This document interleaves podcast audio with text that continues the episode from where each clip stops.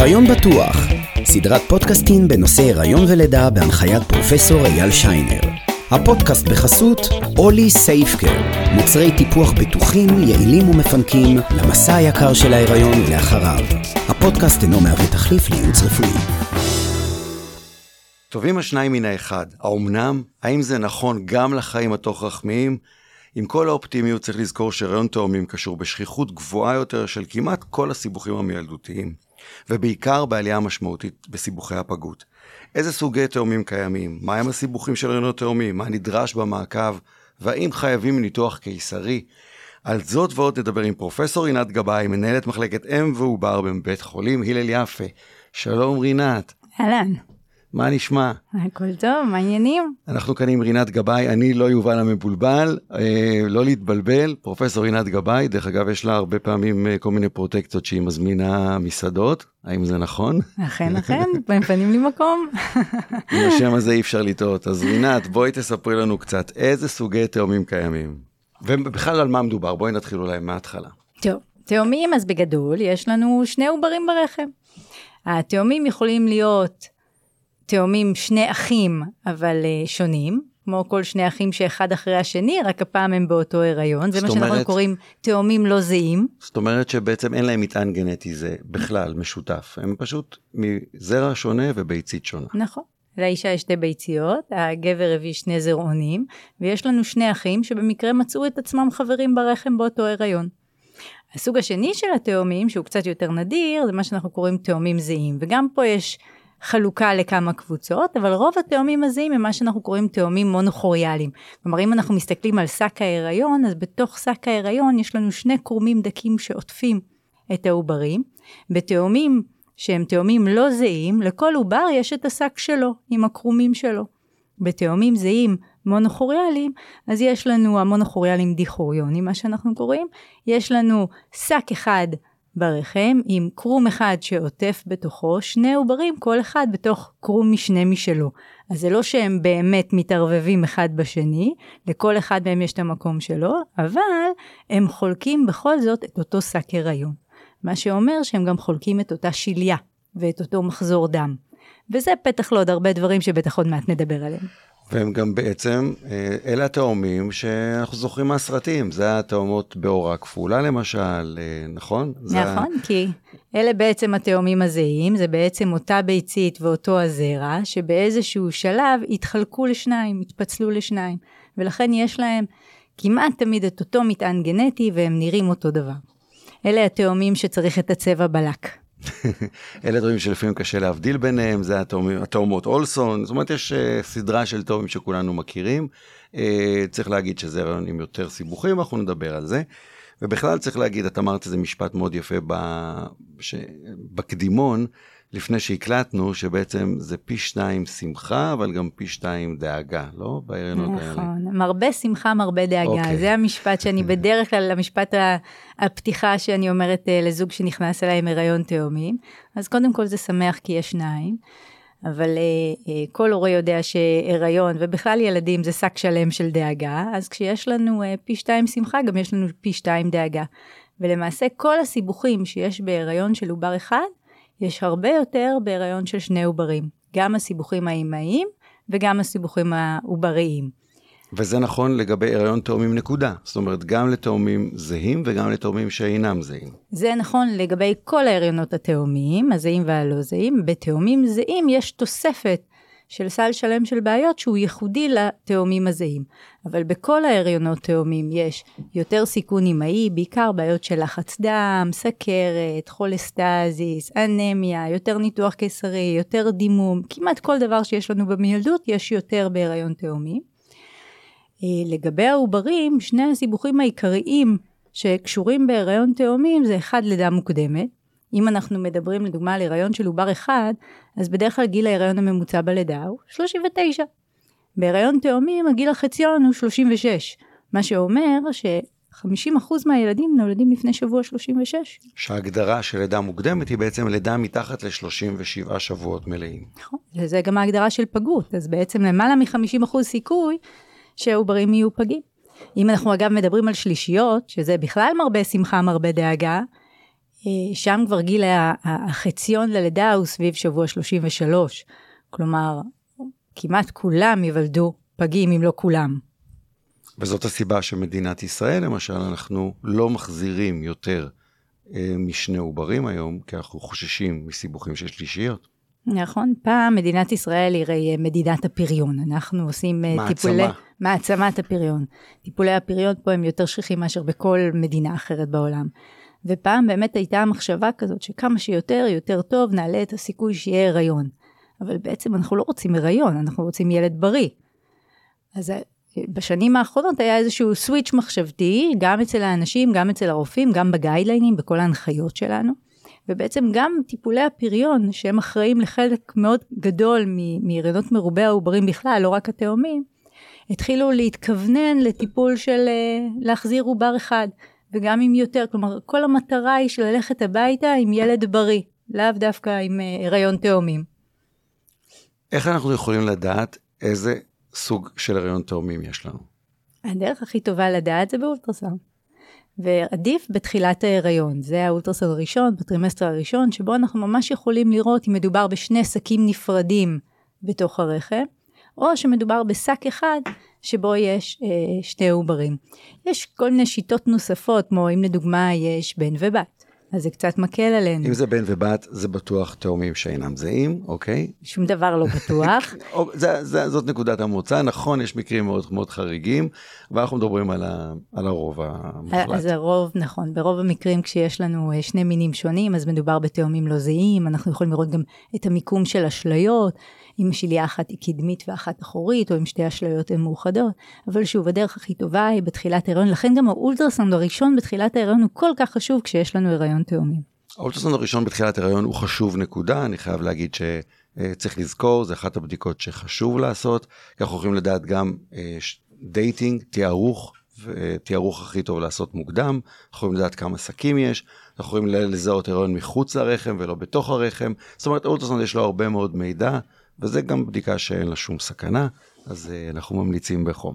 וזה גם נורא משמח אחרי זה לשמור את התמונה ולשלוח לאימא. כן, אה, אם זה שניים זה אפילו יכול להיות יותר מרגש, אבל אה, כמו שאמרנו, אנחנו צריכים להיזהר. מה לגבי מעקב בהיריון תאומים? זה מעקב בהיריון תאומים, שוב, אנחנו נפריד פה בין התאומים הרגילים הלא זהים, לבין תאומים שהם זהים, שכמו שאמרתי, יש להם קצת תוספת של סיבוכים, עוד מעט נרחיב על זה. אבל בואו נדבר על התאומים הלא זהים, שזה זהים. הרוב. מה, לא, מה אוקיי. קורה במעקב? כי בסך אז... הכל אנחנו צריכים לעשות את המעקב הרגיל, אבל יותר ממנו, נכון? בדיוק. אז בכל הריון תאומים יש לנו את אותו מעקב שאנחנו עושים בהריון רגיל, את אותם הבדיקות סקר, ללכת לאחות טיפת חלב. ולעשות שקיפות עורפית, ואפשר לעשות חלבון עוברי, וכן לא דיקור מי שפיר, והעמסת סוכר, וסקירות מערכות. אממה, בהיריון תאומים, בגלל שהשכיחות של הסיבוכים היא הרבה יותר גבוהה, אז יש לנו כל מיני מודיפיקציות שמותאמות להיריון תאומים. לדוגמה, אם אנחנו מדברים על שכיחות גבוהה יותר של בעיות לחץ דם ורעלת, אז אנחנו רוצים מעקב לחץ דם יותר תכוף, ואנחנו רוצים מעקב גדילה יותר טוב של העוברים, כי גם יש להם סיכון יותר גבוה להפרעות גדילה. לנשים עם הריון תאומים בדרך כלל יש הרבה יותר סכרת הריון, ולכן צריך לחשוב טוב טוב ולא להתפלא אם לפעמים הרופא יגיד לך לעשות העמסת סוכר של 100 גרם, הגדולה, הקשה יותר. שזאת הבדיקה האבחנתית בעצם. נכון. הכוונה היא אה, אולי לדלג על בדיקת הסקר ולעשות את הבדיקה המוחלטת, שהיא העמסה של 100 גרם, שאלה צריך להגיע בצום, ומדובר בארבע בדיקות דם ולא רק, אה, אה, זה לא בדיקה קצרה שלא צריך להגיע אליה בצום, כמו העמסת הסוכר הרגילה. נכון. בהחלט אפשר לחסוך. חוץ מזה, בהריונות של הריונות תאומים בגלל הסיכון הגבוה ללידה מוקדמת, אז כן אנחנו רוצים מעקב אורך צוואר, ובכלל כל מסגרת מעקב הריון תאומים בהגדרה היא מעקב הריון בסיכון. זה משהו ההגדרה, שצריך להבין. ההגדרה של משרד הבריאות להריון תאומים זה הריון בסיכון. נכון, גם ההגדרה של משרד הבריאות וגם בשטח. הריון תאומים דורש מעקב תכוף יותר, יותר מעקבי גדילה, יותר מעקבי אורך צוואר, יותר מעקבי אולטרסאונד. נקודה נוספת חשובה היא הבירור הגנטי בהריון תאומים.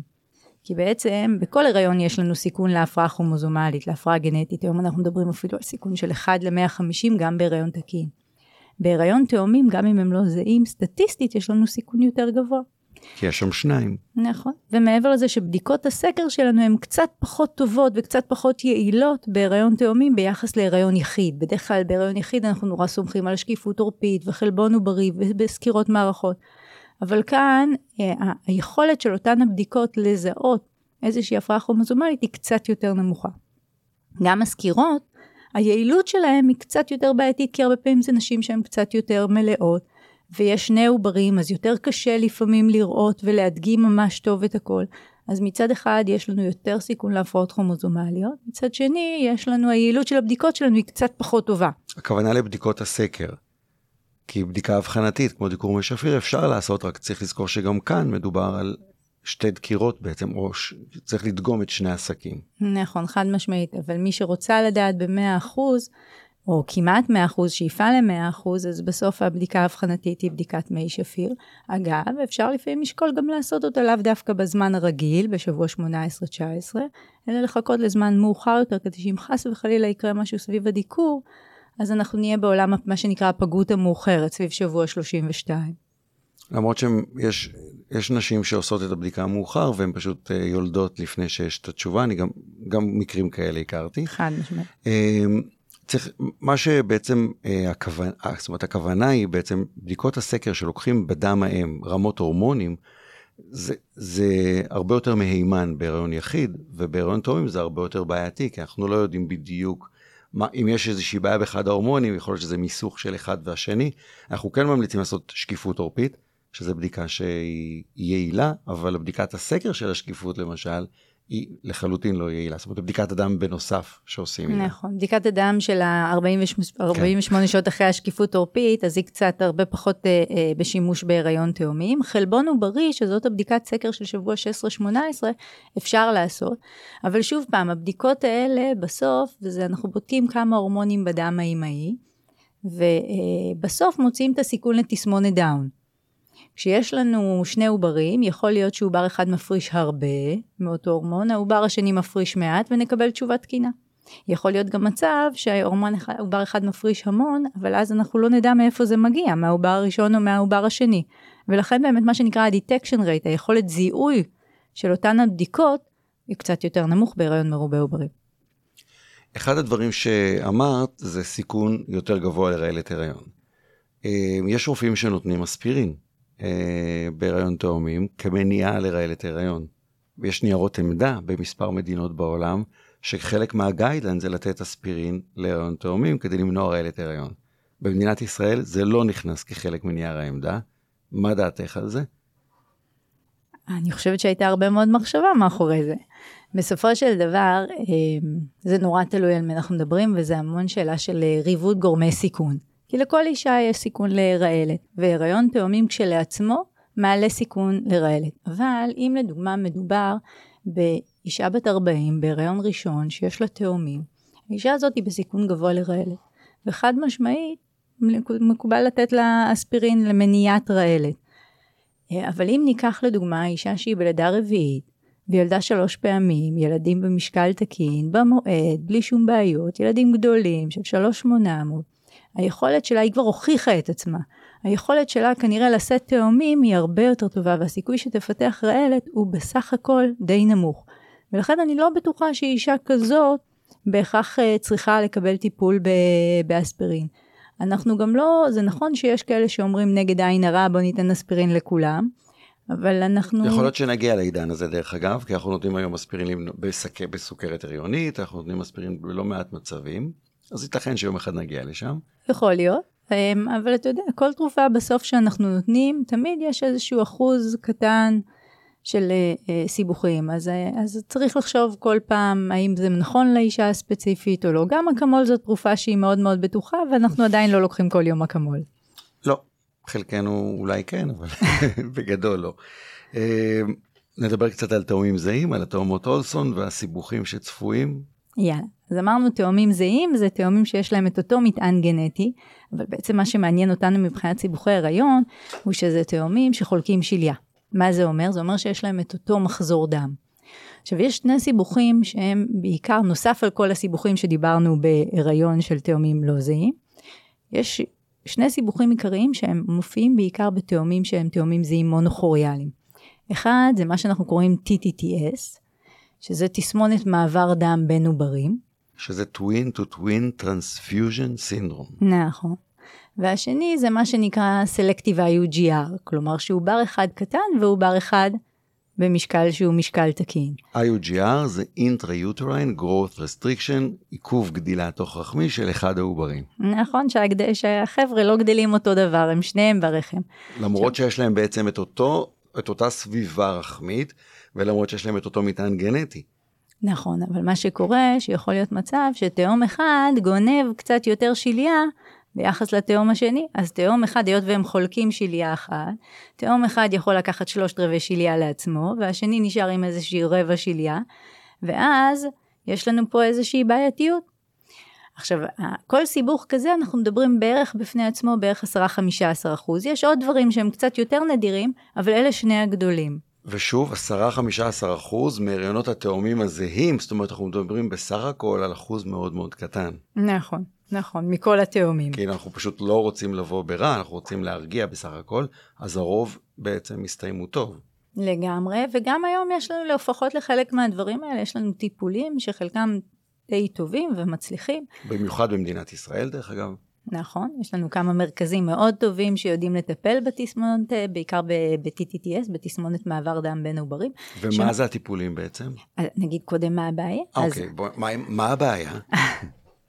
אז בתסמונת מעבר דם בין עוברים, בעצם מה שקורה שיש לנו אה, הבדלי אה, לחצים כאילו בין שני העוברים, ותאום אחד הוא מה שנקרא לוקח לעצמו כל הזמן את כל הנפח, והתאום השני שהוא התורם בעצם נותן ונותן. אז יש לנו עובר אחד שהוא בעצם מאוד מסכן כי הוא נותן את כל נפח הדם שלו ואת כל הנוטריאנטים שהוא צריך הוא נותן לעובר השני, ואין לו מי שפיר והוא די מצומק וקטן ואיזה פינה קטנה ברחם. והתאום השני, שאגב, לאו דווקא ההבדלים הם בגדילה, הם בעיקר בנפחים, אבל אותו תאום שני מקבל כל כך הרבה אספקת נפח שהוא יכול אפילו להגיע לאי ספיקת לב.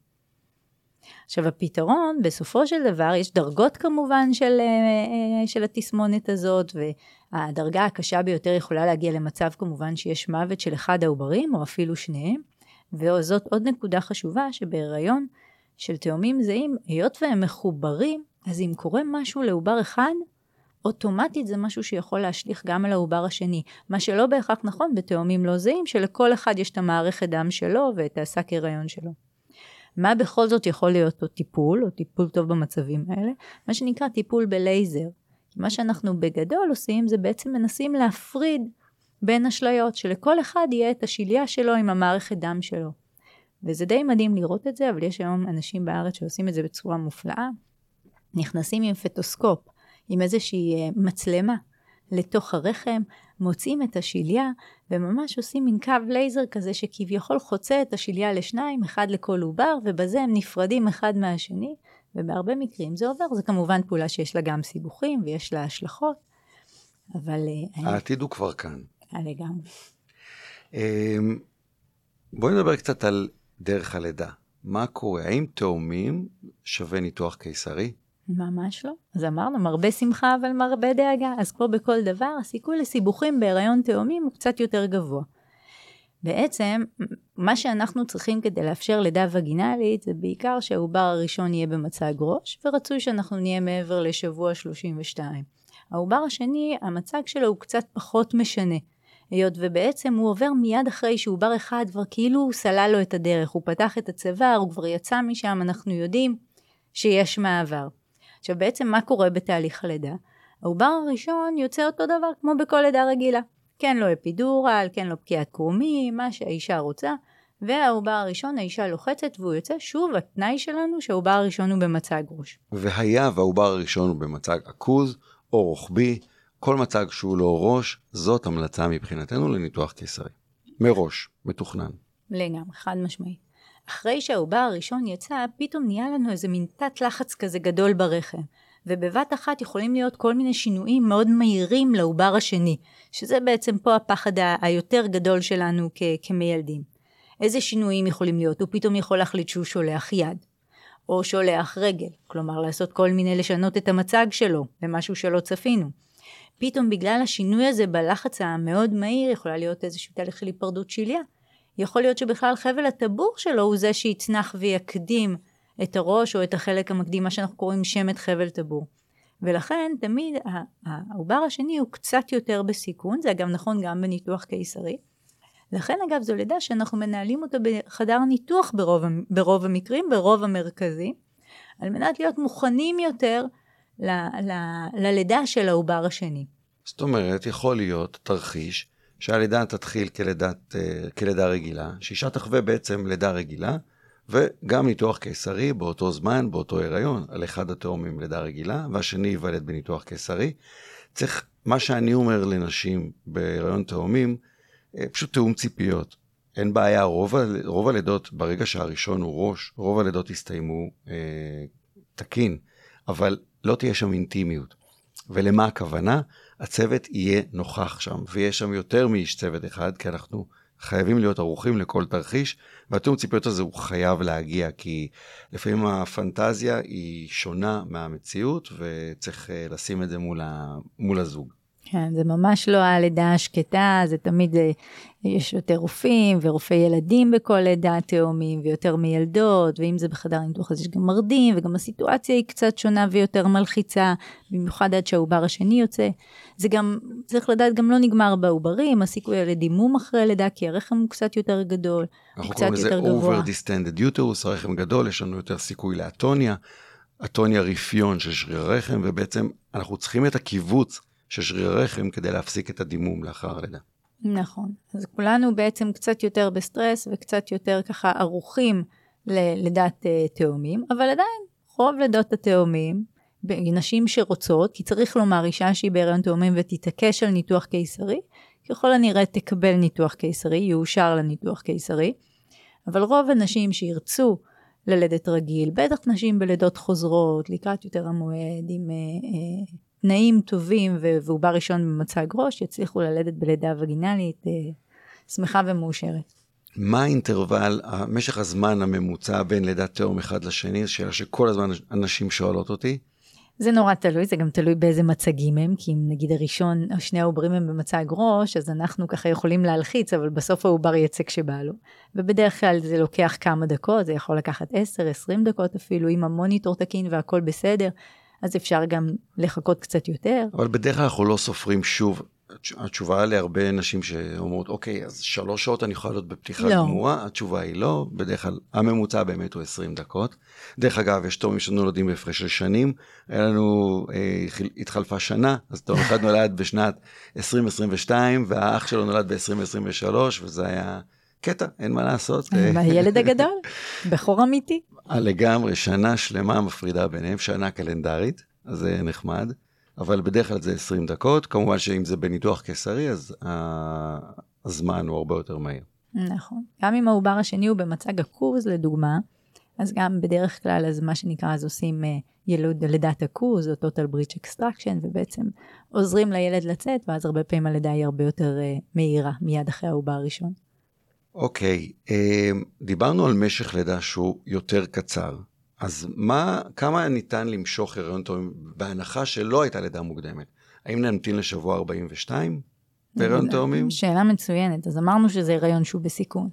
וכחלק מכל הסיבוכים, גם הסיבוך שתמיד הכי מפחיד אותנו, של תמותת עובר ברחם, שזה באמת מבחינתנו הדבר הכי נורא שיכול לקרות uh, לכל אחד מאיתנו שעוקב אחרי הריון, תאומים או יחיד, או, או, או לא משנה של מי.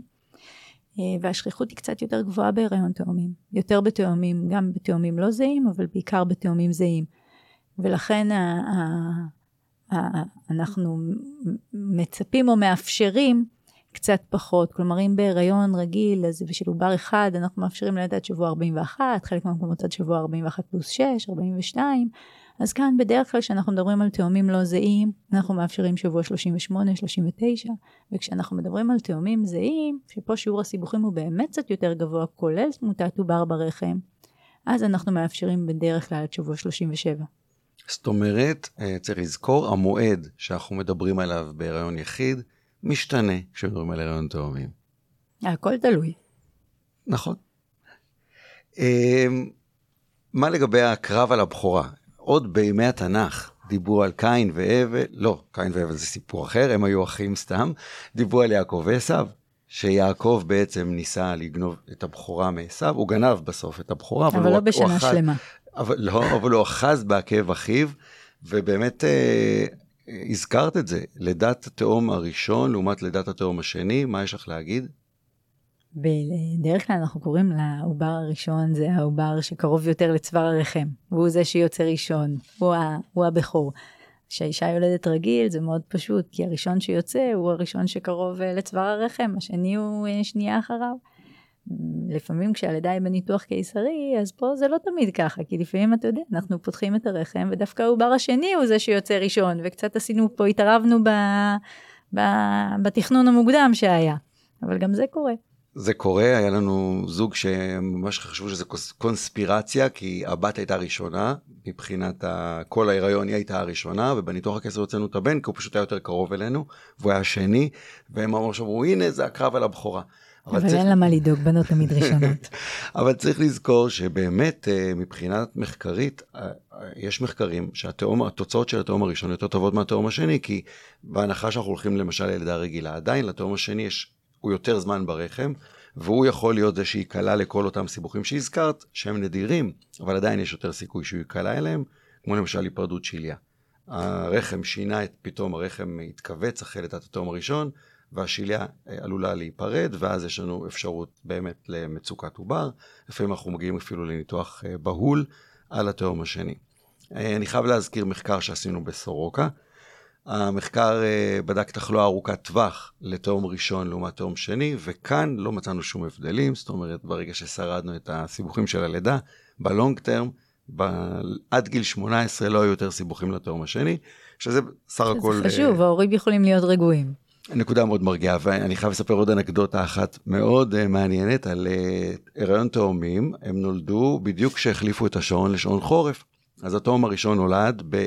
23.50 בעשרה לחצות, ואז ב-12 בלילה, תאום השני עוד לא נולד, אבל השעון זז שעה אחורה, והוא נולד בעצם ב-11, ב-23 ועשרה. שזה היה משהו מטורף לגמרי. אתה עושה פה מלחמת אחים עוד לפני הלידה. זה היה אחד הסיפורים המעניינים יותר. טוב, אה, מה עוד יש לנו להגיד על תאומים? שעם כל הדאגה, אנחנו אוהבים ואנחנו מקבלים, יש מצבים שאולי אנחנו כן נעדיף בכל זאת, למרות כל הטוב וכל הכיף שזה, שזה להפוך גם הריון תאומים לעובר אחד, בעיקר נשים שהן בדרגת סיכון מאוד גבוהה. נשים בסיכון מאוד גבוה ללידה מוקדמת במיוחד. נכון, נשים שילדו בעבר מוקדם, או שיש להם סיפור מילדותי מאוד קשה, שאנחנו מפחדים שהרחם לא יישא טוב את שני העוברים, ואז אולי אנחנו יכולים לדבר איתם על הפחתה. זה אגב לא הפחתה שהיא בגלל איזושהי בעיה ספציפית בעוברים. שחלילה אם יש בעיה ספציפית בעוברים, אז זה פתרון שיציעו לנו, וקרה, כמו שאמרנו, התאומים האלה הם אחים, הם שונים במאגר הגנטי, וכבר היה לנו תאומים שאחד מהם היה עם תסמונת דאון, השני היה תאום בריא, ובני הזוג החליטו לעשות הפחתה של אחד העוברים. נכון, זה מה שנקרא הפחתה סלקטיבית. ההפחתה שאני פה מדברת עליה זה די מהר בתחילת ההיריון, בטרימסטר ה... עדיין בטרימסטר הראשון, אם יש אישה שאנחנו יודעים שאנחנו לא רוצים אצלה הריון מרובה עוברים, כי אנחנו מפחדים שהיא לא תישא, לא תצליח לשאת את שני העוברים, או שבאמת הסיכון ללידה מוקדמת הוא כל כך גבוה, אז לפעמים אנחנו עושים הפחתה לעובר אחד כבר בתחילת ההיריון, כדי למקסם את הסיכוי ללכת הביתה עם ילד בריא, שזה בעצם מה שאנחנו רוצים. אז בנימה אופטימית זאת, רינת גבאי, תודה רבה שהיית איתנו, איזה כיף, איזה כיף. אמ, אני רוצה להודות לחברת אולי סייפקר על החסות, אני רוצה להודות לבית אריאלה על האירוח.